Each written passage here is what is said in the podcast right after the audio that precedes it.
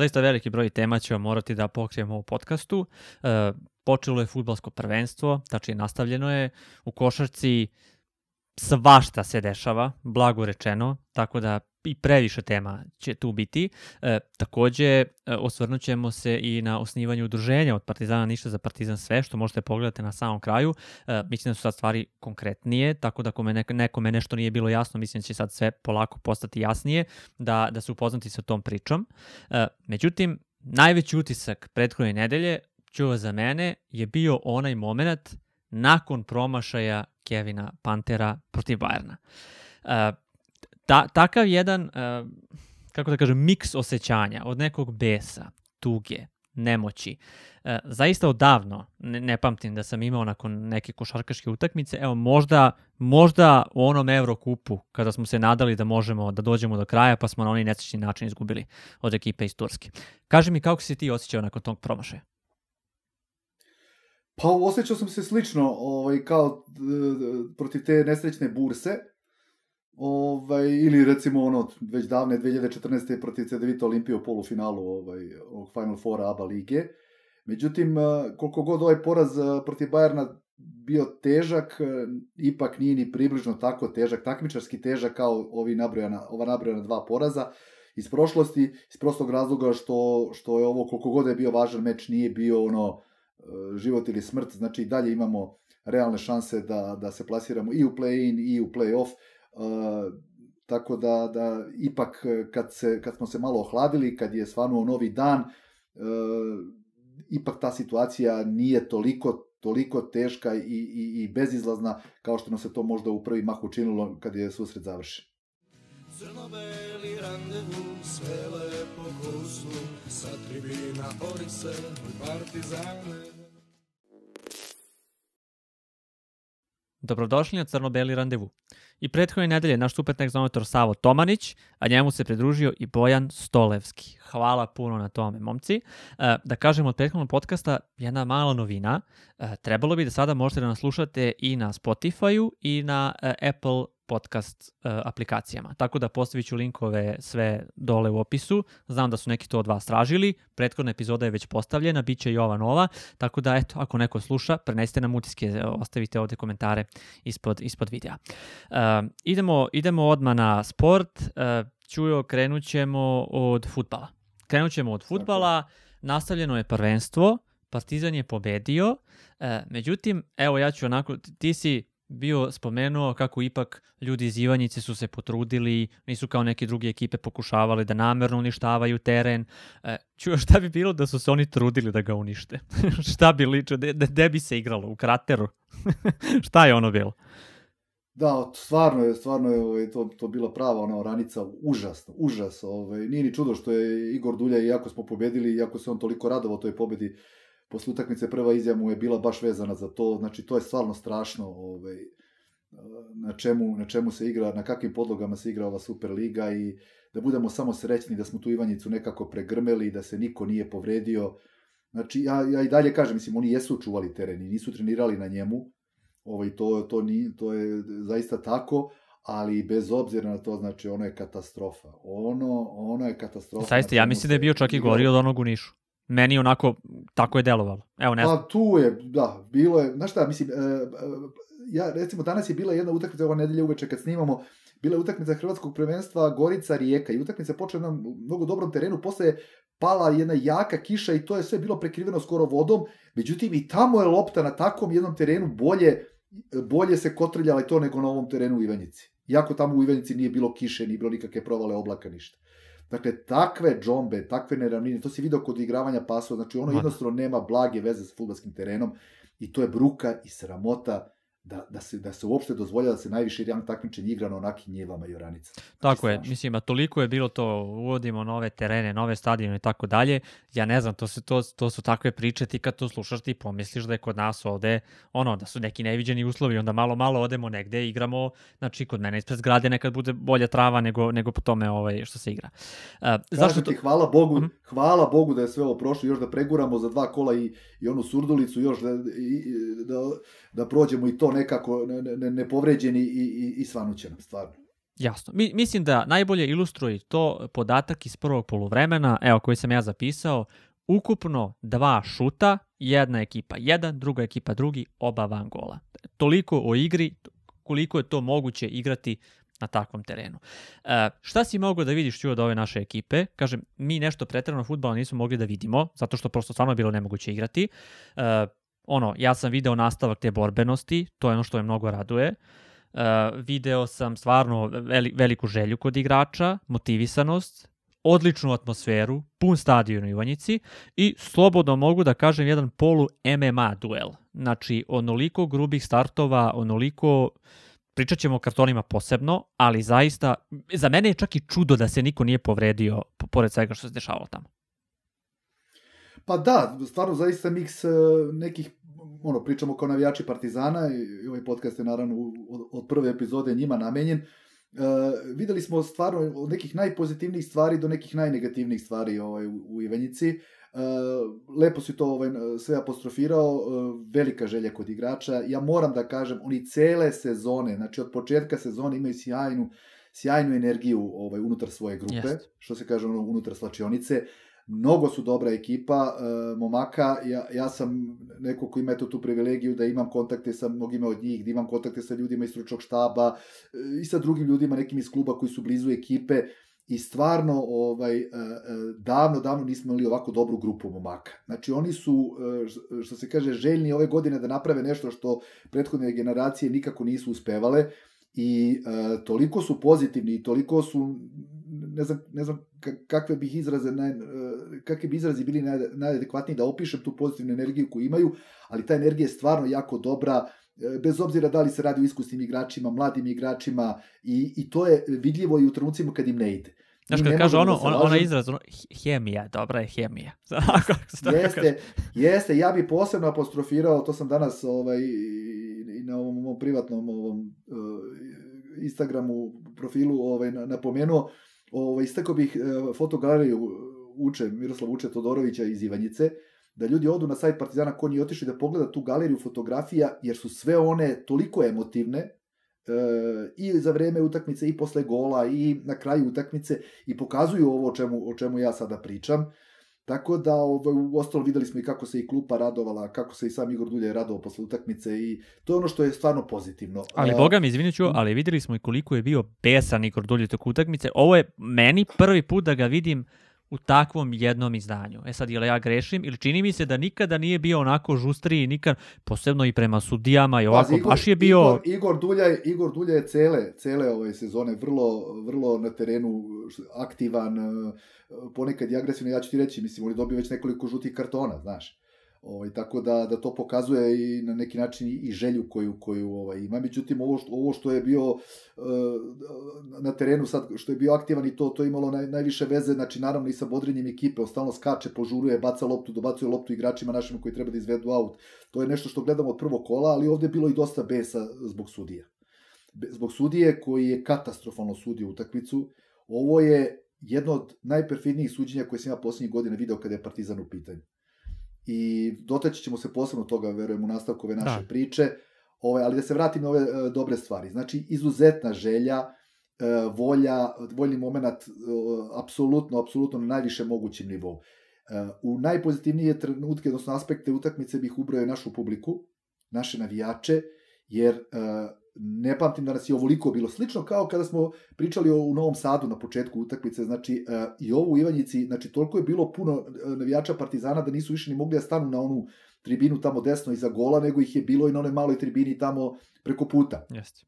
Uh, pričamo o navijačima koji su sa obeležima ili deo grupe navijačke ili blizu blizu te grupe, a naravno i na zapadu smo videli jako puno što ja kažem civila, znači ljudi bez nekih sad jasnih obeleža i možda tu ima i starijih ljudi ili srednjeg životnog doba i to, ali vrlo, vrlo glasnih u podršci Partizana.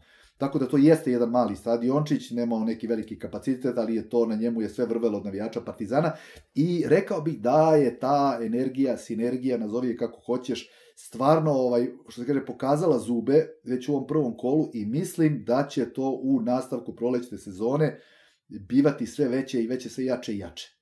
Daj Bože samo da i rezultati budu dobri, jer oni su ti koji onda automatski tu, tu energiju dižu na još jedan veći nivo, ali mislim da se polako stvara jedna, jedna jako, jako lepa ovaj, sinergija između, između e, ekipe i navijača koje, koje, koje prate i bodre. Isto, isto stvarno, ono, što se tiče Ivanjice, ja nažalost bio sam u Ivanjici, ali nekad igrao Partizan, ali ovako kada gledam, ne pamtim da je ovako stvarno bilo puno i da je stvarno podrška bila fantastična. I pazi, znaš šta, i stvarno utakmica je bila realno, mislim utakmica kao utakmica je bila loša, ali nebitno, podrška nije jenjavala, znači bez obzira što ni Partizan nije imao mogućnosti da onako napada, da pravi neke prelepe akcije i tako dalje, bez obzira na sve, podrška do kraja i sami ti su nagrađeni. Ali evo, gde smo stali, tu smo produžili, čuo, Taki Nikolić Joker ulazi u igru, jedan potez, rešava se Saldanja, tako da ne znam, meni je drago da smo nastavili u tom nekom ritmu od, od prvog dela sezone taj tandem da funkcioniše. Da, ja, da ovaj, preo što se dotaknem toga samo da kažem, znači ja imam jako puno ovaj, uh, argumenta da, da opravdam nešto slabiju igru Partizana. Znači imali smo takve pripreme kakve smo imali, imali smo manjak pripremnih utakmica, Imamo problem sa igračem koji smo doveli na mesto štopera da bude bonus, ne možemo da računamo na njega. Znači, stvarno je moralo e, puno toga da... Se, početak je prva utakmica, uvek je na, najteže posle duge pauze igrati prvenstvenu utakmicu protiv ekipe koju praktično ne poznaješ. Ili kad je tako duga pauza, sve se menja. Sav scouting koji si radio za njih ili za neke protivnike u jesenjoj sezoni ne može da važi sada zato što se promene su u ekipi, promene su e, uslovljene tom dugom pauzom. Tako da, da ja tu vidim ovaj, e, zaista puno opravdanja i niko nije mogu da očekuje, ne, na, pogotovo na ovakoj njivi oranici, bukvalno da očekuje neku, ne, neki futbalski kvalitet. Ali eto, mi smo se izborili i onda ovaj, imamo taj individualni kvalitet kojeg ove sezone posjedujemo ne samo u startnih 11, nego vrlo često i, i, i od igrača koji dođu sa klupe. I evo, videli smo Taki Nikolić je ušao prvi kontakt sa loptom, ne znam da li proveo 10 sekundi na terenu. Bukvalno. Uh, ide lopta, ide lopta ovaj, kako se zove, na prvu stativu ka njemu, on on je prebacuje i, i Saldanja vrhunski reaguje i, i, i, i postiže gol. Dakle, to je, to je stvarno nešto jako, jako lepo, mnogo će to značiti, aj Saldanja, Saldanja je ovako prepun samopouzdanja, ali mnogo će značiti i Taki u Nikoliću, mnogo će značiti i drugim igračima koji nisu u startih 11, da vide koliko je malo potrebno da i kao igrač sa klupe doneseš možda presudnu, da, da, bude, da odigraš presudnu ulogu da se, da se neka utakmica prelomi da se dobije. To je upravo Taki uradio. Jer ovo je njegov, ovo je njegov gol. Ovo koliko god je Saldanji, toliko i njegov gol. Ok, igrača koji mu je, koji mu je centrirao. Tako da, da ovaj, je to jedna velika pobeda Partizana na početku ove prolećne polusezone. I eto, to je ono što bih od najpozitivnijih stvari istakao, uz možda posebno pohvalu našem, našem ovaj bonusu na toj utakmici, e, Nemanji Trifunoviću, koji je ovaj, odigrao sasvim, sasvim dobro, koji je uspeo i, i, i, i sa čalmom da završi utakmicu, znači doživao je baš udarac u glavu, vrlo, vrlo gadan ovaj, od strane ovog njihovog da li bio štoper ili ko, ko, koga je udario, tako da i on i Sveta Marković su eto, eto ranjeni napustili Ivanjicu, ali ima jedna lepa, mnogo lepa fotografija baš njih dvojice, da onako jako ranjeni s onim čalmom oko glave, ovaj, su onako veseli, srećni, nasmejani nakon pobede i osvajanja vrlo, vrlo važna tri boda.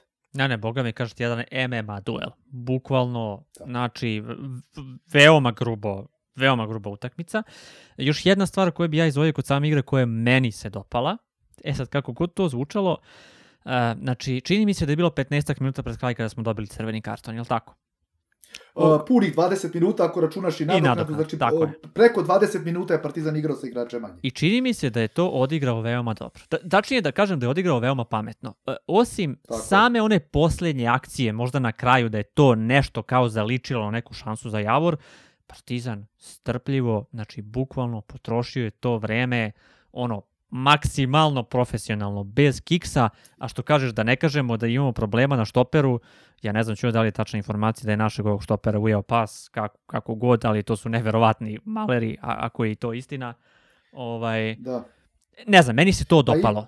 Ka, kako smo uspeli da. bez većih problema sa igračem manje da privedemo utakmicu kraju. Tako, imali smo dva neuralgi, vrlo, vrlo gadna momenta ovaj, nakon isključenja uh, Antića, a to je ovaj, bio prvo taj slobodan udarac sa 17 da, metara. To kojeg naš bivši igrač ovaj, Miletić onako izveo dosta dobro, ali je Aca vrhunski reagovao. I onda što ti kažeš, ono, u posljednjim sekundima nadoknade, kada je Šehović, moramo da kažemo, da ga iskritikujemo, znači dozvolio da mu igrač istrči iza leđa, znači ono je ozbiljan kiks bio, ono, onako ne sme da se ponaša igrač u posljednjoj liniji odbrane i onda je tu u posljednjem trenutku spasio, mislim da je Sveta Marković bio taj koji je uklizao i koji tu uspeo da tu loptu izbaci u korner. Tako da, da ovaj, ta dva momenta su bila teška, međutim u pravu si, Partizan je jako dobro stajao pozadi, naravno da smo odlučili da se branimo sa igračem manje, da tu ništa ne rizikujemo, izašao je Saldanja, pojačali smo ovaj, uh, u srednju, srednji red i odbranu, samom postavkom igrača i uvođenjem ovaj, zamena sa klupe, tako da, da smo ovih 20 minuta vrlo, vrlo dobro ovaj, izneli i odbranili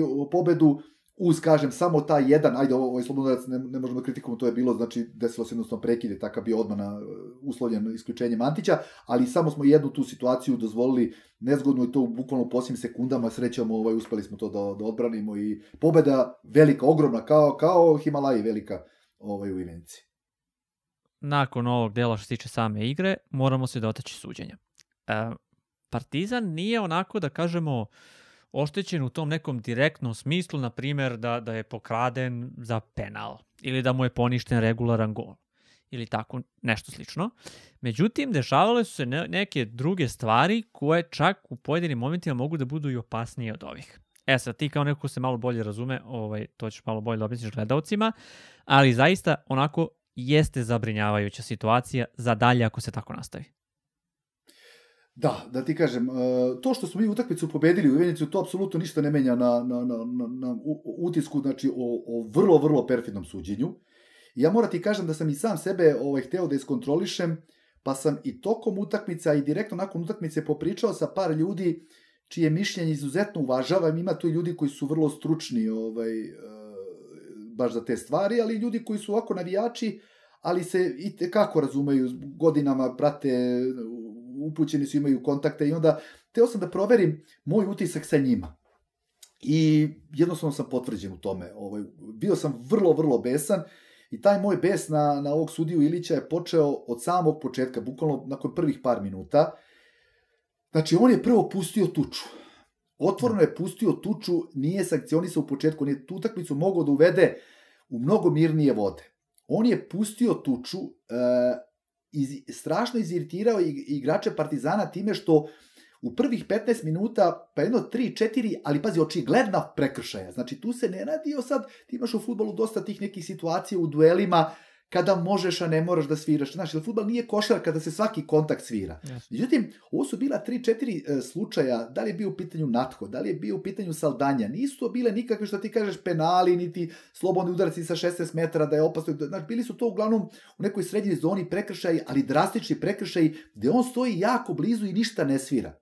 Navodno kao pušta prednost, pušta da se igra. On nije pustio nikakvu prednost time, nego je pustio tuču time. Onda dolazimo do kartona. Vrlo, vrlo neujednačen, neujednačen kriterijum davanja kartona. Znači, on je nama dao karton, kartone, uh, uh, recimo, Natho je dao karton ni za šta. Bukvalno. Kar, on uopšte nije se obraćao njemu, on je pričao sa, sa svojim saigračem, mislim da je Zahid bio u pitanju, Just. on je uzao zveknom u karton. Onda naša klupa reaguje na, na, na, na očigledan prekršaj na, na, na saldanji koji nije sviran, pa nakon toga još jedan igrač Partizana, mislim da je bio Kalulu, baš tu blizu klupe biva očigledno fauliran, on ne svira ništa i onda naši reaguju i onda on daje duljaju žuti karton. Da ne pričamo o tome što misli da je mali Nemanja Trifunović u prvom povremenu na 17 metara e, bio bukvalno udaren i oboren, on ne svira tu, znači tu je bio slobodan udarac sa 17 metara, znači ipak je bila jedna vrlo opasna situacija, a onda 5 sekundi kasnije kreće kontra Javora, on ne svira očigledno faul na Nathu. I Natho onda je već poludeo, ima žuti karton, samo se uplašio da mu ne da drugi žuti. Jer kakav je zloban bio od početka, mogo je to da uradi. Posebna priča onda u nastavku sa tim drugim žutim kartonom. On ne daje drugi žuti karton igraču, igraču Javora koji ima žuti karton i reaguje u jako opasnoj situaciji za svoj tim. Diže nogu, ide direktno nogom u bubrege našem igraču koji, koji ulazi, mislim da je bio Aranđel, Aranđel uh, Stojković, na 18-20 metara od gola njihovog. A onda daje Nikoli Antiću, Prvi karton mu je dao, mogo je da mu ne da, jeste tu bilo neko blago rukom naslanjanje igrača, on mu daje karton, iako to nije bila situacija opasna za gol, jer je osim Antića i ovaj drugi naš igrač je zatvarao taj centar šut mogući s desne strane, on mu daje prvi karton, a onda mu drugi karton daje, ja ne znam, možda ga je malo dokačio kad je Stipanović samo što je ušao sa klupe, prošla mu je lopta, napravio veliki kiks i ovaj igrač Javor utrčava, tu je i Antić, Da li ga je dotakao, da li nije, na uspornom snimku se čak i ni ne vidi taj kontakt. Isto. Ali ako je bio taj kontakt, to je bio najblaži mogući kontakt, on je jedva dočekao i dao mu drugi žuti I, karton. I meni je čudno bilo Da. da. stvarno na snimku se vidi ko da ga nije pipno, ali opet nije se Antić bunio. I ja onda sam ja rekao, ajde, kao ajde neka bude, ako se Antić nije toliko Pa da ti, bunio. e, a to nije argument, to nije argument, nije se bunio. Znaš, ljudi, e, igrači Nije. su i šokirani, igrači su možda i uplašeni, razumeš, da ne reaguje, da ne, ne, ne zvekne ponovo ne, još neki karton, da razumeš da mu ne, da mu, jer ovo, ovo što je Atić sad isključeno ovako, on dobio drugi žuti karton i poziraće jedan meč. Ali da je reagovao, da je slučajno opsovo ili nešto, on je mogao to da prinači u direktan, crveni, razumeš, mogu da ga prijavi da to bude kao direktan crveni karton. Ne sama kazna ako mu je izdao žuti, nego da, da mu dodatno još napiše ovaj, nešto tamo u, u, u protokolu utakmice. Tako da, E, znaš, to što igrači se neki bune, neki ne bune, različiti su karakteri igrača i igrači neki su reaguju impulsivno i kažu nešto, neki su šokirani pa ne dođu do reči, pa jednostavno tri minuta im treba da shvate šta se desilo, a razumeš koliko su onako iznenađeni. Jasno, Tako da, tako da to što on nije reagovao, to ne igra nikakvu ulogu, moguće da ga malo zakače, ali pazi, drugi žuti karton dati tek tako, a pre toga nisi dao igraču Javora, to je stvarno ovaj, znači ja bi ovog sudiju, ja bi ovog sudiju automatski stavio na listu nepoželjnih sudija, kao što je onaj Živković koji nam je sudio u Topoli, a pre toga nam je sudio i, i onu utakmicu protiv napretka pre dve godine kada smo Mhm. izgubili prvo mesto, kad nije svirao penal na Joviću, i ovoga e, i- Ivkovića koji je, koji je sudio u Nišu jesenas protiv. Znači, Živković, Ivković, ovaj Ilić, to moraju da budu persone non grata na utakmica Partizana. I ono što meni posebno smeta je što klub ne reaguje. Znači, evo, danas je nedelja uveče, niko iz kluba ništa nije reagovao, niko nije ništa rekao, da li oni misle da zato što se pobedilo da sad možemo da ćutimo, pa čekaju da neku utakmicu izgubimo, ovaj, ali ovo je stvarno, znači ja kažem, vrlo, vrlo perfidno suđenje i to što je Partizan pobedio ovu utakmicu, apsolutno ne treba nikakvu ulogu da igra u, u ovaj, e, odluci koja bi po meni jedina bila pravilna, a to je da se protestuje protiv ovoga, ovakvog suđenja, jer ovo je pismo namera. Znači, ovo nam se jasno pokazuje i, i moram pohvalim se i medije, par medija ovaj put, jer za razliku od nekih ranijih perioda, ajde, mi imamo jedan telegraf koji ovaj dosta dosta dobro piše o Partizanu, čovjek koji prati Partizan to to to vrlo dobro radi, kvalitetno radi i to traje već neko vreme. Ali evo sad smo imali recimo i Mozart koji imao vrlo vrlo dobar članak nakon utakmice koji se baš pozabavio detaljno sa sudijom, sa kartonima koji se daju Partizanu, jer mi se, mi se strašno punimo kartonima. Znači, Kako ne? to kako znači, se nama Antić, kartoni daju... Antić, ja mislim čak i Natko neće moći igrati na sledećoj utakmici, je li tako? Da, da, Natko je dobio četvrti suspendujući žuti karton i Antić automatski ne igra e, kao posljedica dva žuta kartona, To u situaciji, moći da igra. to u situaciji kada Goh očigledno nije spreman. Kada nam je štoper povređen, on, to, to uopšte nije mala stvar. Mislim, Pa kakvi mala? Pa kakvi mala? Pa, mislim, kažem ti, znači, mi imamo jako puno kartona negde i to je jako lepo u tom članku sa Mozarta objašnjeno. Znači, u prvih osam kola to je izgledalo na jedan način, dobili smo kartone koji su objektivno to je neki normalan prosek kartona za, za igrače Partizana ili Crvene zvezde, znači i klubovi, timovi koji su dominanti, znaš, oni ugla, imaju manje kartona, jel, jer su futbalski dominanti. Međutim, ovo što se dešava od osmog, devetog kola pa ovamo do sad, do, do 20. koje je odigrano, 20. kolo, Znači, to je strašno. Partizan je napunjen kartonima i to je jasna tendencija. To je jasna tendencija, to je sve krenulo od utakmice protiv Čukaričkog, pa evo do, do, do, do ove utakmice u Ivanjici. Tako da, ne znam, mislim, po meni previše smo tihi. To da li mi nešto radimo u tišini, da li to, to je jedna stvar, ali mislim da bi medijski moralo da se, da se nešto uradi. Evo imamo primere drugih klubova. Imamo primjer Novog pazara. Znači, Novi Pazar je izjednačio u 94. minutu u Pančevu, inače iz potpuno regularnog e, jednesteca koji je morao sudija da svira. Znači, oni su ljudi potpuno u pravu, uopšte nije, morao, nije smeo da gleda tamo, jer ono je bilo toliko očigledno da je on igrač kad je uklizao da je digao ruku i da je zaustavio loptu koja ide prema golu. Ove, ali i mimo toga bilo, znači, znači suđenje tamo katastrofalno i oni su reagovali. Njima su tamo sad i, i Ljajić i, i ovaj, e, kako se zove, e, Šćepović, Marko Šćepović su povređeni, vidjet ćemo da li će igrati sledeće kolo protiv Crvene zvezde, ali oni su ovaj generalno sa, sa tim sudijom tamo ovaj, baš, baš oštećeni u Pančevu. I oni su reagovali zvanično. Mi, očigledno smo sreće što smo pobedili, pa smatramo da ne treba da reagujemo, ali kaže, mislim, ovako ćutanje nije dobro, jer jednostavno, znaš, do, doći će do toga da će ponovo Ivica Kralj ili, ili, ili još gore Igor Duljaj morati nešto ono besan da kaže, pa će biti kažnjen. Znaš, mislim, to, to nije dobro. Mislim da bi neko iz kluba morao tu da se da, da, da, da stane kao štit ovaj, naše, za našu ekipu i za naš sportski sektor i da jednostavno ih zaštiti. Pa Imaš ti načina da se obratiš medijima i da kažeš da nećeš biti kažnjen. Da, da, ima načina da se, da se pokaže e, stav i, i da se zaštiti ekipa i trener. Jer očigledno ovo prvenstvo ne može da se dobije samo na terenu. Znači ovo mora ceo klub da učestvuje u ovoj borbi. Ma jasno. Ako nemamo klub, to tim sam ne može da iznese. I ja to moram da kažem evo na početku, nakon ove prve odigrane utakmice koje smo pobedili, ali kad je suđenje u pitanju, Partizan može sve samo ne može da bude zadovoljan sa ovakvim suđenjem. Nikako. Jasno, jasno, ali, znaš šta, mi smo opet u nekom stanju, ni na nebu, ni na zemlji, VD, ko je tu, ko nije, ko da reaguje i onda nastavljamo po starom. I to je i to će biti verovatno jedan od glavnih problema. Ej, čuo, stigle su mi ono nekoliko pitanja, ima jedan dečko iz Slovačke, još neko drugi, jel se znaju datumi tačno za sledeće kolo i za derbi ili se još ne znaju? Pa gledaj, e, to se ne zna, znaš, mislim, uvek se tako nekih 8-9 dana pre neke utakmice, pa recimo, recimo utakmica u Ivinjici je odigrana u subotu, otprilike se na tom službenom programu ovom Komet to objavi to je kome, to je znači službeno, to nije za javnost mm. u smislu, nego to samo imaju ljudi iz kluba, znači oni koji su uključeni u operativna dešavanja, oni to saznaju recimo 8-9 dana pre neke utakmice. Tako recimo sad je bila u subotu utakmica u Ivanjici, čisto objašnjam kakva je procedura i kako se to radi. U drugim zemljama se to radi drugačije Mada. i znaju se po 3, 4, 5 kola unapred. Kod nas to nije nažalost tako i onda recimo kad je utakmica u Ivanjici sad bila u subotu, mi smo recimo u četvrtak, petak se znalo ovaj, kad će se igrati utakmica protiv IMT-a. I utakmica protiv IMT-a će se igrati isto u subotu i e, počinje u 16 i 15. Okay naša utakmica u subotu 16 i 15. Tako da ćemo i krajem ove nedelje, krajem nedelje, znači ovo sad će biti emitovano u ponedjeljak, znači krajem nedelje ćemo znati ovaj kad će se igrati utakmica u Surdulici. Međutim s obzirom da je da sada ovako je neki raspored gde nemam utakmica sredinom nedelje, ja pretpostavljam da ćemo i on utakmicu uh, u Surdulici igrati u subotu da bi zadržali taj neki taj neki ritam na 7 dana. E, a posle šta će se dešavati kad dolazi na železničar Pančevo i posle za derbi, to je već mnogo daleko ispred nas. Dakle, protiv, protiv ovoga IMT-a se sigurno igra u subotu 16 i 15, a vidjet ćemo krajem nedelje kad će se igrati utakmicu u Surdulici, ja pretpostavljam isto u subotu.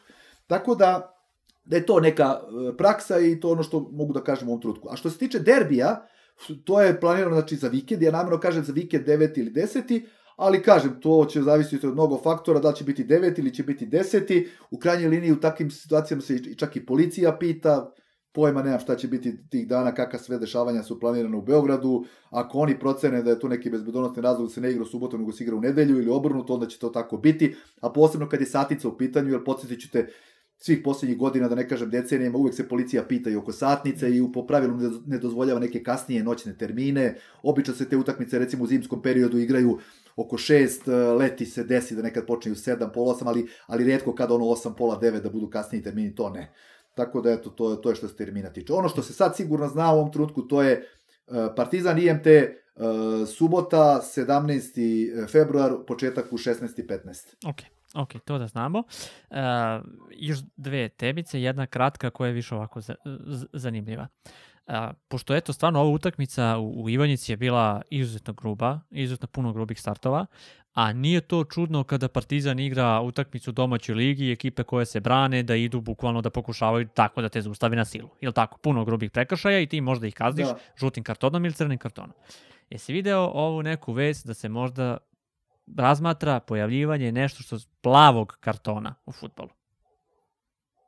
Pa nešto sam malo, ako misliš, to neko privremeno isključenje na određeni vremenski na period 10 minuta, ili... Na 10 minuta da. da igrač izleti napolje i meni je palo na pamet, možda bi to moglo čak i da smanji gruposti. Ako su ljudi uglavnom negativno reagovali na to, pravo ti kažem za našu ligu, ja mislim da to ne bi toliko bilo loše rešenje. Evo, ovako neko tvoje mišljenje, šta misliš, je bi bilo dobro pa, Ne, smanjilo bi, smanjilo bi sigurno gruposti, ja moram ti kažem, pošto opet apostrofiram svoje godine, imam dosta godina i pamtim i e, prvenstva bivše Jugoslavije, mm -hmm tamo iz 80. godina i mogu ti reći da je tada bio futbol još grublji, znaš, kako, je, kako su ovi kriterijumi sa kartonima e, i kad su kartoni počeli više da se daju, mnogo se, i bez obzira sad ovo je ekstremno bilo u Subotici, u Subotici u Ivanjici, ali ovaj generalno je mnogo grublja igra bila ranije. Još u nekadašnjoj Jugoslovenskoj ligi bilo još mnogo, mnogo više grubih pogibeljnih startova i nisu napadači ni izbliza bili tako zaštićeni kao što su to danas. Kaže, malo apsurdno zvuči da sad pričamo, znači, zanemari Ivanjicu. Ovo je bilo nek, jedna posebna poseban slučaj i posebna priča, ali generalno generalno je igra bila još mnogo grublja i kartoni su, uvođenje kartona, a onda i način kako se oni daju mnogo više nego ranije, su dosta zaštitili napadače. Tako da verujem da bi i ovo uvođenje tih nekih plavih kartona ovaj doprino tome da da igra bude sa manje grubosti, još manje grubosti nego što je to sad slučaj. Tako da mislim podržavam samo sad veliko je to pitanje, znaš, da će to proći i kad će to, znaš, to možda prođe da se to zaključi a da to počne da važi tek tamo za dve godine recimo ili tako da, nešto, da. znaš. E, ja, pročitao sam da će biti čini mi se eksperimentalno primenjeno uh, FA Cup i neke žene nešto tu da da se vidi da, da, da se vidi kako to kako to da. Se, da da to ima praksa UEFA ona je neke stvari radila tako ovaj ranije u prošlosti tako da vrlo je realno da se to proba pa onda da se u zavisnosti od toga kakvi budu utisci zaključci nakon toga da da se onda vidi da li će to biti ove opšte primjenjeno generalno kao fudbalsko novo fudbalsko pravilo ili ne, znaš. Ali u principu mislim da to ne bi bilo loše. Mislim ja imam sijaset nekih ideja koje mislim da bi unapredile fudbalsku igru, od toga da se aut izvodi nogom pa tako dalje, ali kažem to su te neke promene koje za koje je potrebno vreme i da se usvoja, onda i da se primene, ovaj. Tako da Vidjet ćemo. Imalo u, sva, u krajnjoj liniji bilo je dosta novih novina u posljednje vreme, u posljednjih, da kažem, 15-20 godina, mislim, i sa, ovo posljednje sa Varom je revolucija, ali ovaj, i pre toga sa vraćanjem lopte golmanu, ja ne znam da li ti sećaš futbola kada, kada nije smelo da se vraća loptu golman, kod golmana, ovaj, u stvari kada je smelo da se vraća loptu golmanu, pa kada je golman smeo da hvata loptu, pa je onda to ukinuto, znaš, i to je ubrzalo igru i učinilo je atraktivnijom i bržom, tako da eto, to su neke promene koje jednostavno sprovedene su u futbolu i sve te promene su bile dobre, pozitivne. Ja i VAR smatram dobrim rešenjem i to za ukidanje vraćanja lopte golmanu, znači da golman ne sme da hvata i to smatram dobrim. Znaš, tako da, da sve te promene su po meni bile ovako dosta, dosta dobre i, i okrenute ka poboljšanju futbolske igre u budućnosti.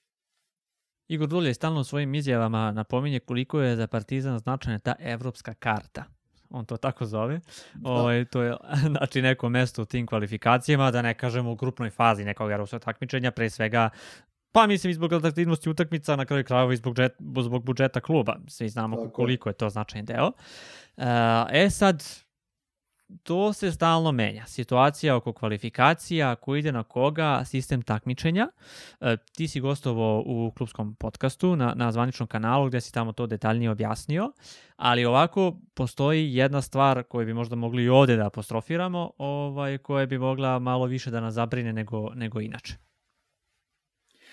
Da, da, to je činjenica da su izgleda spremne izmene kada je u pitanju start e, vice šampiona Srbije u kvalifikacijama za Ligu šampiona na leto. Naravno da mi, niko od nas se ne miri sa činjenicom da mi budemo vice šampioni ove godine, naravno da svi želimo da budemo šampioni, ali je situacija, da ne kažem na, na tabeli u ligi, nego da kažem u državi takva, da je vrlo neizvesno i, i da li ćemo mi u tome uspeti. Ovaj, svi bi želeli da igramo, da budemo šampioni i da igramo play-off kvalifikacije za Ligu šampiona, ali ako se to ne desi, uh, treba, mislim, mora da se istakne da e, vice šampion Srbije po pristupnoj šemi bi trebao da startuje od drugog kola kvalifikacija za, za Ligu šampiona. Znači, ne od trećeg kola kako je to bilo sa TSC-om ove sezone na leto, nego od drugog kola. I to eventualno drugo kolo je po nekim ranijim propozicijama e, vice šampion 11. zemlje mogao da preskoči uz neki povoljan rasplet u Ligi, Ligi Evrope ove sezone, ovaj, onda bi zbog tih uparivanja i promena u toj pristupnoj listi on bio prebačen za treće kolo, međutim to sad neće biti automatski vezano za vice šampiona 11. zemlje, a to je Srbija za narednu sezonu, nego će tu privilegiju prebacivanja onda eventualno kod pristupne liste imati e, klubovi po koeficijentu koji igraju te kvalifikacije, znači onaj koji ima najjači koeficijent. I projekcije su takve da bi kao srpski vice šampion Crvena zvezda mogla da profitira i da i da preskoči to drugo kolo da ode u treće kolo, ali Partizan ne. Tako da ovaj e, to je još jedan argument da Partizan učini zaista zaista sve da bude šampion i da igra play-off kvalifikacija za Ligu šampiona, jer tako onda ima osiguranu u najmanju ruku ligašku fazu ove nove Lige Evrope, koja nastupa od leta, kao i Liga šampiona, imaće 36 klubova, jedinstvena tabela, jedinstvena liga sa 36 ekipa, Sve sam ja detaljno u, tom e, klubskom podcastu objasnio. A za razliku od Lize šampiona koji, kao što sam rekao, bi morao da startuje od drugog kola i to što je ono posebno loše i koliko je tu ogromna razlika među starta u drugom i trećem kolu tih nešampionskih kvalifikacija, je što ti kao starter u trećem kolu, to je bio TSC ovaj, ovog leta, imaš u startu osiguranu uh, ligašku fazu Lige Evrope. Kao kad igraš play-off za šampionske kvalifikacije. Međutim, ako startuješ u drugom kolu nešampionskih kvalifikacija, kao vice šampion, ti nemaš osiguranu, ne da nemaš ligašku fazu Lige Evrope osiguranu, nego nemaš čak ni ligašku fazu Lige konferencije osiguranu. Ništa. Jer može se to desi- Je, to je stvarno jako opasno. Pazi, jer može se desiti da igraš drugo kolo za Ligu šampiona, ispadneš, pa onda igraš treće kolo za Ligu Evrope, pa i tu ispadneš, pa igraš play-off, tu imaju stepenice, znači onda prelaziš iz trećeg u play-off, igraš play-off za Ligu konferencije i tu ispadneš. I to je, mislim, pazi, to je vrlo realno, jer ti uopšte tu nemaš slabe protivnike. Niti u drugom Jasno. kolu kvalifikacije za Ligu šampiona, niti u trećem kolu kvalifikacije za Ligu Evrope, a niti u play-offu za Ligu konferencije gde su i svakako najjači timovi koji su preostali u tim kvalifikacijama, tako da to je vrlo, vrlo opasno. I da absurd bude veći, kao treće plasirani, odnosno kao osvajač kupa, ti bi startovao u play-offu za Ligu Evrope i tu bi imao, imao obezbeđenu ligašku fazu Lige konferencije. Da. Tako da to malo apsurdno je, znaš, mislim, znaš, apsurdno je da neki tim ima bolji status kao treće plasirani kao vice šampion, mada će oni vjerojatno onda u UEFA da kažu ne, ne, ali ti igraš kvalifikaciju za ligu šampiona, imaš mogućnosti da zaradiš ogromne pare i to je svakako prednost. Ali gledano takmičarski, rizik je veći, znaš, kao vice šampion.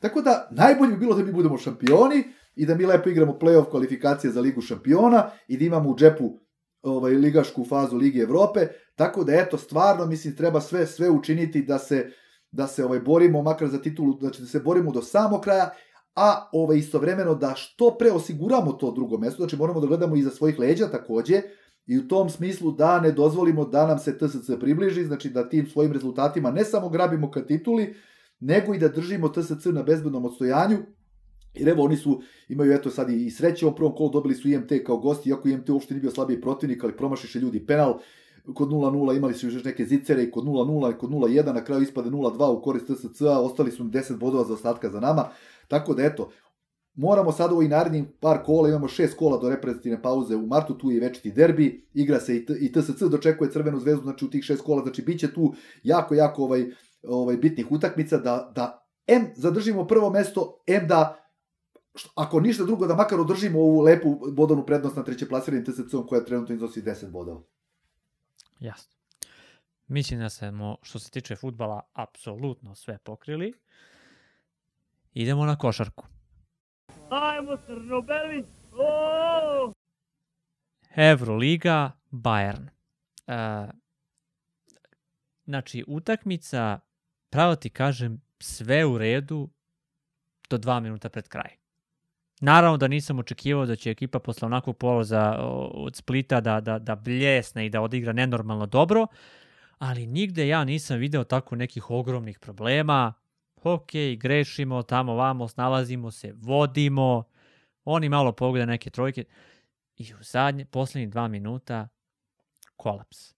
Uh, ne, jako je loš bio osjećaj. Stvarno, ti si na samom početku rekao, nije to možda toliko tragično ali nekako mislim da su svi to doživjeli mno, mnogo, mnogo tragično, svi koji su bili u u tom trenutku sigurno, ma sigurno. Da ti kažem, mislim, stvarno nije izgledalo tako, mi nismo briljirali tu utakmicu, ali naravno da ne uporediva utakmica i protiv Splita i ovo, znači apsolutno smo bili tu ovaj, mnogo bolji, jako je rival bio naravno puno jači nego, nego što je to Split, ovaj, i da ti pošteno kažem, poveli smo i tih desetak razlike, u posljednjoj četvrtini, znaš, i stvarno E, je... vodili smo na 4-4. polovremenu, ej, to se ne dešava. Nebitno, dva razlike, Da, da, pa ali... svi, svi, e, svi smo to komentarisali polovremenu onako u šali, ej, mi imamo plus 4 na polovremenu, znaš, ono, u fazonu, da li je moguće da imamo plus na pauzi. I onda smo tu, kažemo, ovaj, došli u četvrte četvrtini i do 10 razlike, ovaj, i onda, znaš, jedan put ono 8, 6, 4, znaš, tu smo brzo, jako brzo dozvolili da se oni približe, ali onda smo opet na tih 2 i 4 razlike imali vrlo do, kvalitetna rešenja u napadu i povećavali smo to. Znam da sam baš super reagovao kada je, kada je Doužer ovaj, lepo ušao na ulaz, na, na, na, otišao levo, pa je onda gurno loptu desno Kaminskog i to je bilo, on je lepo položio tu tablu 76-72. I onda nastupa tih košmanih zadnjih minuta i po dva, ovaj, i sijase tih nekih naših grešaka i onda je to kulminiralo. Znači, prvo u našem preposlednjem napadu, Znači ono stvarno kad čovjek posle pogleda Željko ono prvo rekao na konferenciji vezano za za ovaj za to neodigravanje Doužera ka Kaminskom. A prethodni napad mu je odigrao i asistirao mu super. I onda ovo sve što smo dozvolili, poslednji napad i onda poslednja odbrana. Znači, to su stvarno onako bile gluposti, jedna za drugom, druga za trećom. I eto, doživjeli smo poraz koji nam baš onako sada pogoršava situaciju u našoj borbi za play-off i play-in. Pa pravo da ti kažem, ja sam se nadao, znači da mi jurimo, u mojoj glavi je ipak bilo to 7. 8. mesto, da mi jurimo tu neku mogućnost, da imamo dve šanse. Sada kako stvari stoje, mislim da, da, ta, da jurimo pre to neko 9. ili 10. mesto. Evo, to je onako meni sad, da, da čak ni ne znam na pamet ko, ko je tabela, ali tad kad smo gledali, ne znam da li Da. treba da se zaluđujemo nekim, nekim većim plasmanom i ovo bi bilo Pa gledaj, imamo, pazi, imamo dve ekipe koje imaju pobedu više od nas.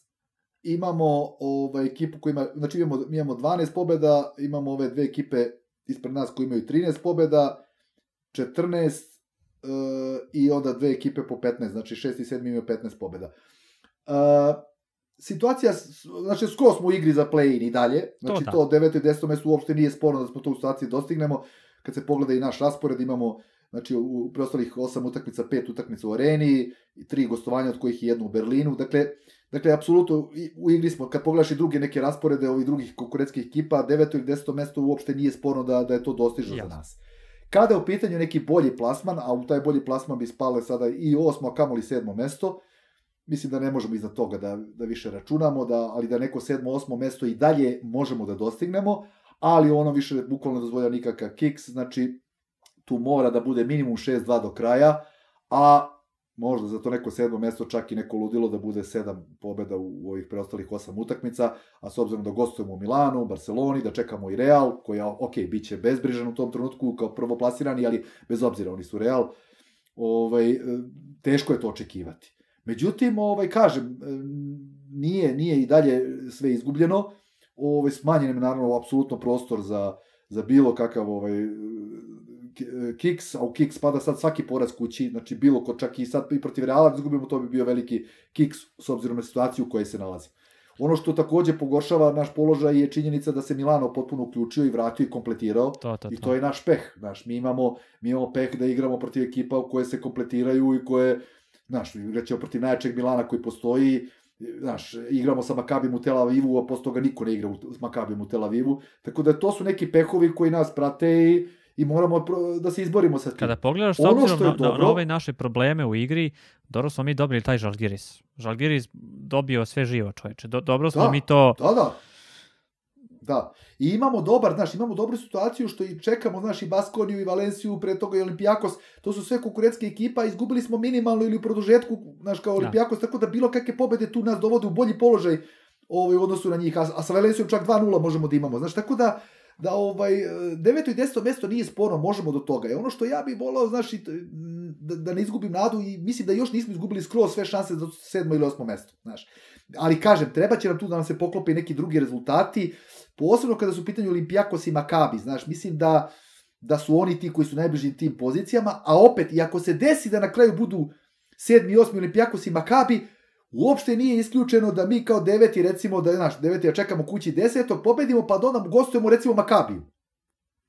De, znaš, koji, da bi to verovatno se bilo u pioniru, Da. u praznom pioniru, tako da tu bi možda mogli da izvučemo ne, ne, neki benefit dodatni, znaš, kad smo već imali taj peh da jedini igramo u Tel Avivu, to bi možda bila i neka božja pravda, znaš, da, da na taj način nam se vrati u tom smislu ovaj, kada bude najbitnije. Tako da, eto, ja se ne bih i dalje oprostio tog sedmog ili osmog mesta, jako će biti jako teško dostižno, mora kažem da nam se poklopi puno toga, a što se tiče devetog i desetog mesta tu i naravno razlika i da li si deveti ili deseti. Znači, uopšte nije sve jedno da li tu utakmicu igraš kući ili na strani, tako da ovaj, mislim da i dalje imamo šanse i da treba da se do kraja borimo i nadam se da ćemo 29. kad se nastavi Euroliga protiv Efesa imati ponovo punu arenu i da ćemo za razliku od ove nesrećne završnice protiv Bajerna uspeti da dobijemo Efes i da, i da ovaj, zadržimo naše snove. A ovaj, što se tiče tog nekog, posle daljeg toka, ako bi to uspeli, znaš, mnogi se kažu, znaš, 9 i 10 kao bit ćeš, onda možda igraš samo protiv, protiv Reala, da budeš osmi ako prođeš taj play pa da igraš protiv Reala. Da ti kažem nešto, da li igrao protiv Reala tamo u aprilu ili igrao kao sedmi da se plasiraš da igraš protiv Barcelone koja će po meni biti druga, mislim da tu uopšte neće biti neka velika razlika. Da. Real jeste bio do sada dominantan u ovoj Euroligi, međutim, da ti kažem, i oni polako padaju, možda i neku formu tepiraju, znaš, uh, oni su bili mnogo dominantni do pre 4-5 kola. Jeste. Sad su i oni počeli da gube neke utakmice i to u Monaku su izgubili na kraju istina sitno 2-3 razlike, ali su gubili 20 razlike. Pre toga su izgubili, gde su ono bili u Milanu, izgubili 20, 20 razlike, pa su izgubili u Španiji ovaj, još neku utakmicu. Znaš, oni su polako počeli i oni da gube neke utakmice, s druge strane Barcelona je sve bolja i bolja, tako da ja u aprilu tamo kada to se bude igrao playoff, daj Bože da uđemo u taj playoff, uopšte ne vidim neku veliku razliku da ćeš ti ići u Madrid ili ćeš ići u Barcelonu, jer mislim da će to prve dve ekipe koje će biti zakucane na kraju ovaj Euro, ovo ligaškog dela. Tako da uopšte tu ne treba očajavati i sad smatrati da smo mi, ako izborimo devetu poziciju, sad automatski završili tu i da ne možemo ništa da uradimo u, u play-off. Tako da, da kažem, mislim, svi su bili snuždeni i potišteni posle to veče, posle Bayerna. Već sutradan sam ja počeo malo pozitivnije da razmišljam. I evo, dotaći ćemo se sada i ovog što sledi na drugim nekim frontovima, ABA Liga, Kup i to. Tako da, verujem da Partizan može da se vrati, da možemo da imamo veliki ovaj comeback i da možemo da, da za mesec dana budemo ili dva meseca još mnogo, mnogo srećniji i zadovoljniji i da komentarišemo naš košarkaški klub u odnosu na ovu trenutnu situaciju. Pored tih rezultata, ovaj, definitivno i Partizan će morati popraviti svoju igru. Meni se čini da e, ljudi onako, uglavnom su izrevoltirani, ali oni kao misle da se igrači nešto ne trude. Ja, ja nisam siguran da je to slučaj meni se čini da su oni nekako iz nekog razloga pogubljeni. Jel to te greške koje prave, to su zaista ono, dečije bolesti. To, to mi nije jasno. I sad video si posebno posle utakmice, ja mislim da je hala bila prepolovljena. Pola ljudi je bilo jako besno, zviždali su, Uh, videli smo čak i neke veoma neprijetne scene koje apsolutno ne podržavam. Znači, ok, ima neko pravo da zviždi, to, to je ok, ali ono što da. se dešavalo sa igračima nikako, nikako to nije smelo da se desi, to je veliki propust. A imaš i opet e, dru, drugi deo publike koji je onako histerično podržavao ekipu, što mislim da opet nije toliko bilo adekvatno, jer izgubili smo. Mislim da treba da bude malo drugačija neka atmosfera. E sad ću, šta, šta sad, kako to, je se tebi čini da se oni, meni se ne, ne, meni se ne čini da se oni ne trude. Iskreno mi se ne čini. To. Ne, ne, ne, ne može biti govor o tome da se oni ne trude. Znači, trude se, nema tu, tu nikakve dileme i stvarno je, baš, baš je maliciozno ako neko kaže da se oni ne trude, da ne žele, znači oni imaju veliku želju i, i u krajnjoj liniji i, imaju oni respekt prema klubu, svi prema treneru njihovom i prema ljudima koji vode taj klub, tako da ne, nema tu. To je jednostavno što ti kažeš, e, to su neke bolesti dečije, ne znam, mislim ja, teško mi je to da objasnim, znaš, i, ali opet kažem, bilo je toga i prošle sezone. Bilo je toga iz prošle sezone, istina, počeli smo ranije da delujemo kao mašina, to je počelo već negde tamo u drugoj polovini decembra, pa je onda u januaru već, već to baš, baš bilo dobro, sada kasnimo, evo sad je već februar i, i znaš, nismo tu gde, gde smo bili prošle godine u ovom vreme, ali dalje, kažem, nije kasno. Ali nije nekako kasno... prošle godine, prošle godine si ti imao to da. kao ne igraju odbranu. A ove godine, e, ne, ono, ne uvedu out kako treba.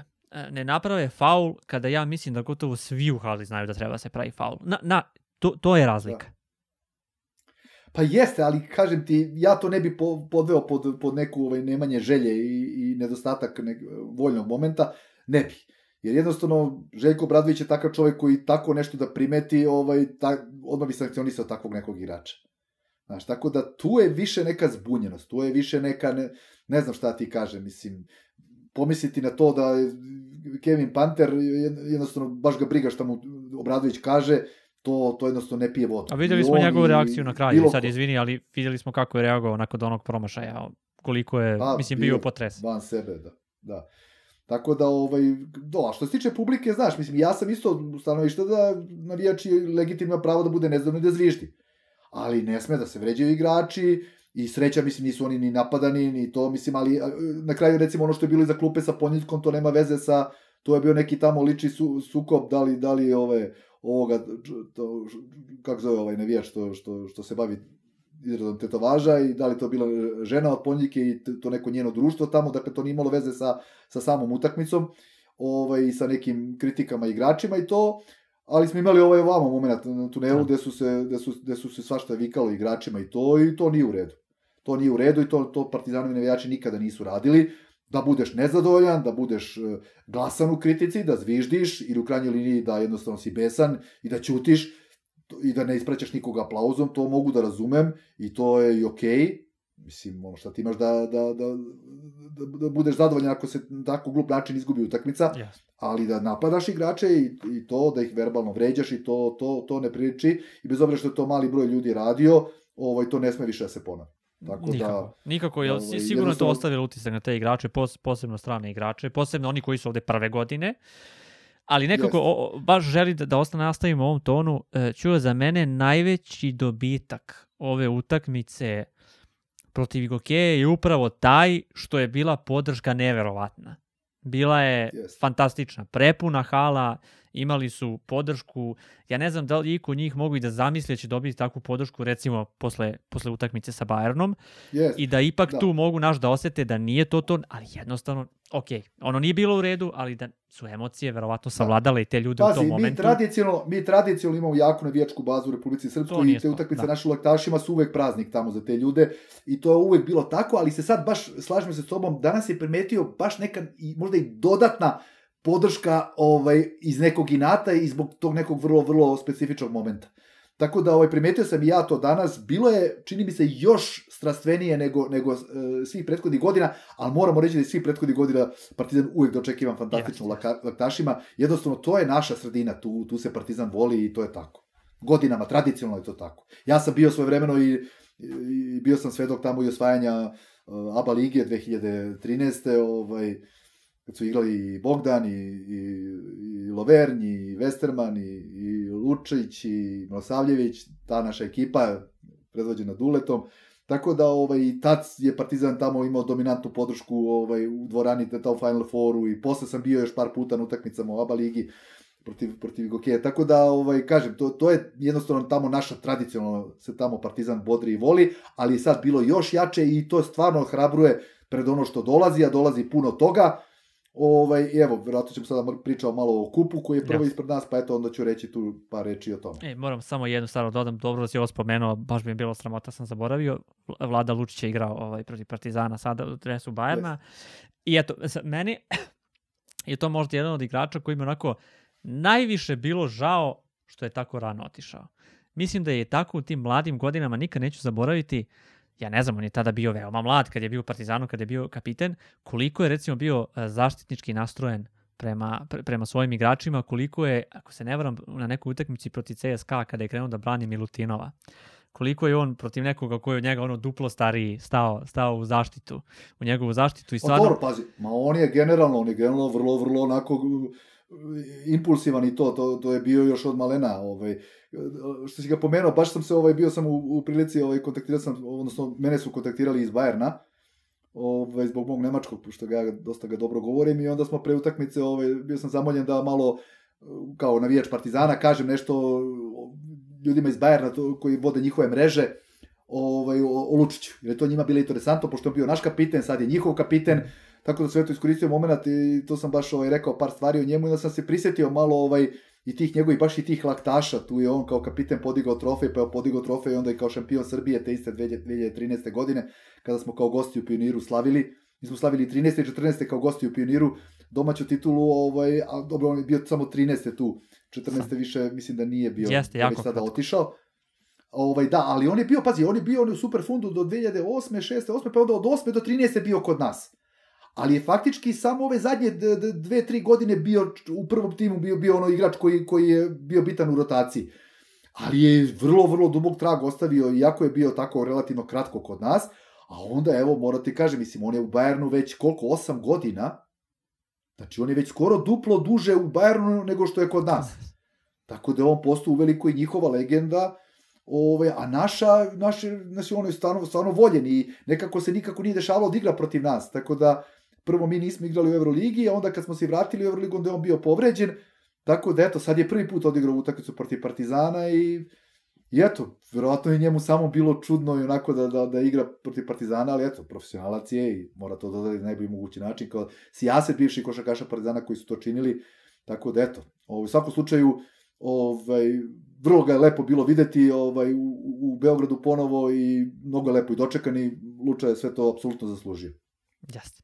E, kao što si spomenuo kup. E, ja sam kopao Da. malo po ovoj nekoj mojoj arhivi, evo sad ti to ne vidiš, ali ja Mhm. sam našao o, neiskorišćenu ulaznicu za finale Kupa Koraća 2014. koju sam ja ovako ambiciozno kupio. U Ovaj, pioniru, je to bilo u pioniru? Tako je, tako je, ali naravno nisam Da, da, otišao, zato što smo Sećam se. mi nastupili ovaj, u nekom drugom sastavu, pa je I bilo... protiv FNP-a smo, protiv FNP-a smo izgubili, ja mislim. Tako je, tako je. Tu je. Ali igrali smo bez 5-6 igrača, jer smo se čuvali za Euroligu. To ono kad su svi živi bili Svi su povređeni. bili povređeni, Ovaj. Imali da, su da, bio sam tu, baš sam sedao pored klupe. Da, da, protiv FNP-a. Sećam se. Mislim da je čak u produžetku smo izgubili. Tako, tako je, tako je bilo, bilo neizvesno, Ali smo igrali bez 5-6 igrača. Da, da. Pa sećaš se optuženja Dule da je uh, furnuo sa crte. Čini mi se da je to bio izraz ovaj, koji je, Da, koji da, je da. upotrebljen. E sad, posle onog Bajerna, meni je palo na pamet da li bi bilo pametnije da Partizan suzbije redove, da u taj, na taj kup ode takođe u nekom omekšanom sastavu i da pokušaju, jel tako, bit će malo više vremena za trening, i reprezentativna pauza i da pokušaju tu malo da neke stvari dovedu u red. Kako, šta se tebi čini? Šta misliš? Da li treba ipak pucati Mislim- na kup na maks ili ući sa Tako. rezervom? Na maks. Znači, moment je takav da kup je izuzetno ovih posljednjih, za mene, govorim o mom nekom ličnom utisku, u posljednjih nedelju, dve dana, ovo što se sve izdešavalo u Euroligi, pa i u ABA ligi, mislim da je kup apsolutno dobio na značaju.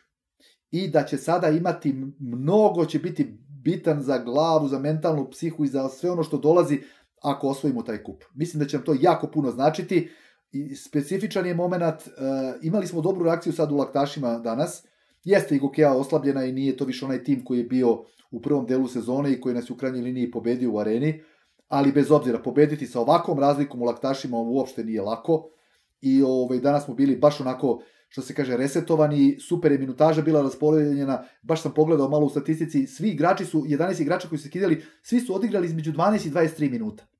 Znači, vrlo, vrlo fino raspoređena minutaža, svi su odigrali jako, jako ovaj lep rezultat, treba pobediti sa ovoliko, koliko, 40 razlike smo pobedili, tako da, da ovaj, to ovaj, eh, ohrabruje i mislim da sada ovaj, od četvrtka, a sigurno da i u petak i u subotu, da treba ovaj dati gaz do daske, izabrati prava četiri stranca, mislim da su tri stranca koja idu na kup 100% Doužer, uh, Naneli i Ledej, a da ćemo četvrtog stranca tražiti između dva centra. Da, Da ako to slučajno neko, Kaboklo- ako je neko slučajno zaboravio, Panter nije stranac, čisto, jel tako? To, Da, da, to- Panter nije stranac, tako da će četvrti, četvrti stranac da bude ili po meni, znači mislim da je Kaboklo ili Kaminski, a da će onda odmarati i neće se pojaviti na kupu ovaj e, Smith, neće se pojaviti Ponjitka i mislim i treći stranac koji se neće pojaviti, to će biti jedan od ova dva centra. Iako da danas to je- konačno živnuo malo. Eti, da. Pa jeste, ali mislim da, da, da mora jedan od, od centara da, ne, ne, jasno, jasno. da, da, da, da bude, a mislim da su nanijeli Ledej i, ovaj, i kako se zove, uh, Doužer ne, neupitni, odnosno da oni moraju da igraju, tako da vratit će se Aleksa koji nije bio danas tu, tako da mislim da, mislim da Smith, bio. uh, i Smajlagić nije bio, da će se on vratiti, tako da, ovaj, a znamo da Smajla, Smajlagić i Ledej mogu da ispomognu tu na centru, tako da, a i morat će da ispomognu ako, ako jedan od ovih centara ne može, a ne može da, da bude u Nišu, tako da ovaj, nema nikakve dileme, mislim da 99% će ovako biti kao što sam ja rekao sad. Što se tiče sastava našeg. A što se tiče ambicija, tu nema šta. Znači, mislim da, da ovaj, moramo, da, da će nam mnogo značiti da ovaj kup osvojimo i jednostavno moramo da, da, da, da ovaj, naravno četvrt finale protiv Hercega, tu se ne postavlja pitanje, po meni ne bi smelo se postaviti pitanje ni u polufinalu protiv Mege. Nemoj ne dva puta da kažem moj. Nemoj da Pa neću da kažem, da ti kažem, neću da kažem, ali ovo mi sad hrabri, ovo što sam vidio u Laktašima mi hrabri, mislim da će Partizan tako i nastupiti i, i, i, u, ovaj, u Nišu. Mislim da će nastupiti tako u Nišu, da je situacija takva da neće biti sad opuštanje. Tako da to je moj neki utisak, evo vidjet ćemo, ali ja verujem da ćemo igrati punom snagom i aj četvrt finale možda i nećemo igrati punom snagom, čuvat ćemo se, ali mislim da, pošto igramo u četvrtak, pa ćemo igrati odmah u petak, jel? Ali mislim da i u petak ćemo ovaj, igrati e, vrlo, vrlo ambiciozno i da će tu neće biti šte, nikakve poštede i da ćemo ono, maksimalno profesionalno da odradimo to i da uđemo u finale. Da, mi igramo uvek u ovim kasnijim terminima, naravno pod pretpostavkom da idemo dalje, čini mi se 8, 9, Da. 9, tako da to nije loše ni zbog ovog futbala, jer tako moći ljudi da pogledaju i futbal u subotu i Tako je, tako je, u eventualno subotu, final. E da, vidiš, u subotu se završava, dobro, a futbol opet imaš taj bojkot, ne dolaze organizovani navijači, tako da oni, ove, njima ni ne igra sad neku Da. ulogu da, da će biti u 4 i 15 kako je utakmica futbalska u subotu ili će biti u, u koje god doba, ali to, očigledno to ne igra nikakvu ulogu, ali u, u smislu podrške košarkašima to, to je onda čak i ok, povoljno je u tom smislu. Kako ne, e, u prilog tome što si rekao, e, mislim da nije samo tebi, nego izgleda ljudima takođe mno- mnogo stalo, stalo ovaj, da se osvoji taj kup. Ako sam pročitao negde u prvih sat vremena, ako ne i manje, sve karte su rasprodate, svi oni paketi za, za kup, oko 5000 dinara bila je cena paketa, što je onako ne kažem da je preskupo, ali nije baš ni jeftino, pa da kažeš da se razgrabilo zbog, Da. zbog povoljne cene. Tako da, bit će vatreno. Biće vatreno, e, ponovo su bile neke najave, možda nećemo doći da igramo, ali jel tako, ništa toga nema. to, to su, to su cirkuske, cirkuske numere, znači to manimo, ne bavimo se time. Jasno. E, čuo, da li imamo još nešto za košarku da dodamo ili da se prebacimo na deo oko organizacije ovaj, Pa ja nemam ništa oko košarke, što se mene tiče možemo i ovaj zadnji deo da, da se malo posvetimo ovom udruženju, ovaj pokretu od Partizana, ništa za Partizan sve, pa bi eto ja iskoristio ovu našu epizodu da tu kažem par reči, možda više da pročitam nešto što smo spremili, pa eto nadam se da će našim ovaj, eh, navijačima i gledalcima to biti interesantno, ako ti nemaš ništa protiv. Tako je, to je to. Može. Dobro, evo ja ću sad malo, pošto sam već u godinama, moram malo i naočare da stavim kada, kada ovaj čitam. Tako da bih ovaj iskoristio ovo da kažem, znači prošle nedelje smo mi Uh, mi smo jednom, jednoj od naših epizoda pričali o, o ovom udruženju, tada smo govorili o fondaciji, ali se posle ispostavilo iz nekih pravnih razloga i to da ovo naše e, će biti pokret i udruženje, u stvari ne fondacija, zbog nekih pravnih normi, obaveza, zakona i tako dalje u Republici Srbiji, tako da, da će to biti ovaj, to u stvari pokret i udruženje, koje se zvanično zove od partizana ništa za partizan sve. I ono je, da kažem, ovaj, našim navijačima i on, našim gledalcima i zvanično osnovano. Mi smo prošle nedelje uh, bili i kod uh, javnog beležnika, znači kod notara, i onda smo posle, ovaj, uh, kolege su bile i u APR-u, tako da smo mi prijavljeni kao udruženje i uskoro uh, treba očekivati da uh, napravimo i sajt koji da će biti predstavljeni statut i sve ostalo što te neke početne informacije koje su bitne, ali eto da znate da da je udruženje od Partizana ništa za Partizan sve osnovano, registrovano i sada slede neke konkretne akcije. Za ovu epizodu ovaj, crno-belog randevua ja bi malo da iščitam neke stvari koje će možda biti interesantne, u stvari ne možda, verujem da hoće našim navijačima. Kaže, šta je od Partizana ništa za Partizan sve i zašto je ovo udruženje, odnosno pokret nastao? Kaže, reč je o pokretu koji je nastao sa idejom da društvenu snagu navijača Partizana kanališu u korist razvoja klubova i u pravcu zaštite sportskog društva. Udruženje okuplja pojedince ili grupe ljudi različitih alternativnih koncepata podrške Partizanu, poput grupe JNA, grobarskog treš romantizma, Blica i fondacije, ljudi iz Partizan Eila koji prave ono, ono prelepo pivo u konzervi i flaši, e, grupe odabrani koji su aktivni ovaj, između ostalog i na mreži ovaj, Instagram i, i na nekim drugim e, mestima i naravno nas iz Randevu podcasta i drugih nekih formalnih i neformalnih grupa. Kaže, okupili smo se jer dnevno interesna politika nikad nije bila upletenija u sport koliko je to danas i posledice su evidentne. Jasno je da uprave klubova nisu nezavisne i kao takve ne mogu da skrenu pažnju javnosti, pa čak i tužilaštvo na postojeće probleme. Na mnoge nepravilnosti uprave klubova ne mogu i ne smeju da ovaj, ni da ukažu, a kamoli da urade nešto po pitanju rešavanja problema. Znači, okupili smo se ne da bi se bavili sportskom politikom, već da pokažemo da nas ima i da bi se političarenje što manje bavilo nama. Onda, sad ja neću čitati ovo sve, ali ću ovaj, u principu reći, evo kaže, za interese Partizana ćemo se boriti svim legalnim sredstvima, jer ima dosta pravnika, uglednih advokatskih kancelarija iz Srbije iz inostranstva koje će nam pomagati u radu. Postoji bes u mnogim ljudima, većina misli da su i neki radikalniji protesti rešenja, ali se pokazalo da su svi ti pokušaj završavali na hapšenjima i osuđivanjima ljudi, a navijači Partizana proglašavani strane medija za huligane. Naša ideja je da ne idemo pesicom na tenk, nego da se upustimo u pravnu borbu gde god da vidimo da je nepravda naneta Partizana. Znači, reč je o političnom udruženju u kojem funkcioneri političkih partija nemaju pravo članstva. To smatram jako bitno. Kaže, radit ćemo poslovi aktivnosti u vidu saopštenja, podrške kako seniorima, tako i mlađim kategorijama, ženskim sekcijama i školama sporta, kreiranjem ideja za nove poslovne modele u cilju modernizacije rada klubova. Najbitniji projekat koji smo već predložili predstavnicima klubova i sportskog društva jesu registracija internacionalne franšize Partizanovi škola sporta i izrada multimedijalne platforme i aplikacije koja bi zarađivala novac za klubove širom sveta. Misli se na klubove, na parti, klubove sportskog društva Partizan. Reč je o jednom savremenom IT projektu koji će finansijski ojačati manje klubove ukoliko bude usvojen i implementiran. I ono što je posebno dakle, bitno, to ja želim da, da kažem sada, naše aktivnosti će ovde najviše pomagati male klubove.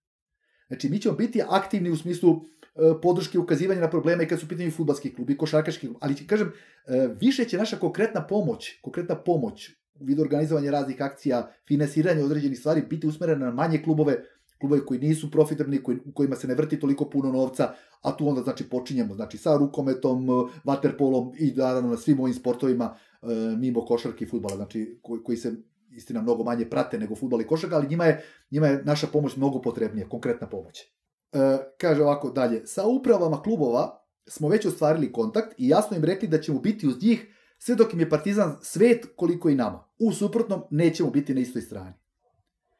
Kaže, ko su ljudi i kako će biti organizovano sve? E, ovo je jako bitno. Prvo, niko ko je član uprave klubova Partizana ne može da bude član našeg udruženja. Znači, bilo koja uprava, bilo ko kluba, ako je neko unutra, ne može da bude član udruženja.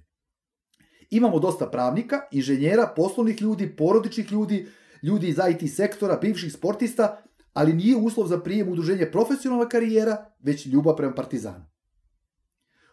Udruženje ima upravni odbor koji ga vodi operativno izvršno i onda imamo klub 400. To je neka vrsta skupštine udruženja koja je ograničena na 400 članova i trenutno funkcioniše samo po pozivu i po preporuci, ali ćemo otvoriti vrata i dobrim ljudima i njihovim idejama. Članarina se plaća, ali imamo različite načine finansiranja aktivnosti. Članovi su partizanovci iz celog sveta. To je taj klub 400, znači plan je da da e, ta skupština nikad ne pređe 400 članova, pri čemu sam ja ovako predložio da to ipak se preimenuje da bude klub 410, kao asocijacija na 410, na četvrti deseti datum ovaj, e, osnivanja Partizana, ali kažem, znači to je, to je neka, neka namera da se to ne prelazi, pri čemu mi računamo da ćemo prvi godinu, dve, nećemo ni približno imati 400 ljudi, nego manje. Znači, ali to nema nikakve veze s tim da mi ne očekujemo da ljudi pristupe, mislimo da ćemo čak biti E, da će veliki broj ljudi nagrnuti da tu bude sa nama, ali mi jednostavno ne želimo da, da imamo da imamo toliko puno ljudi, znači nije nam cilj da sad e, uđe 5000 ljudi tu i da, da se plati neka članarina koja će biti sitna svakako, ovaj, nego, je, nego je cilj da, da tu, ovaj, što se kaže, uđu baš ljudi onako koji će biti ovaj provereno naši i provereno sposobni da svojim idejama uh, pomognu sportskom društvu Partizan. I još na kraju samo još da dodam za ovo kratko što je što je ovaj e, pripremljeno ovde da ja to ovaj predstavim. Kaže pored naziva koji jako dobro opisuje naše ciljeve, znači od Partizana ništa za Partizan sve, jako je bitna krilatica oko koje se okupljamo, ona glasi ko nije protiv nas, sa nama je. Osnovni cilj pokreta je vraćanje ugleda i društvenog doprinosa svih sekcija JSD Partizan. Dakle, ciljevi su nam mnogo dugoročniji od titula. Ko navija zbog titula, ima real. Partizan se voli zbog drugih stvari. Ciljevi su nam dugoročni i društveno mnogo širi od samog sporta. Priča se da smo sportska nacija, a zapravo smo kladioničarsko i estradno društvo. Mi mislimo da je olimpizam pravi put i trenutno, ovo posebno hoću da istaknem, trenutno je stub našeg društva uz kojeg svi moramo da stanemo bez obzira na rezultate Željko Obradović. I tu smo svi složni i mislim da je ovo najjača poruka koju sada šaljemo.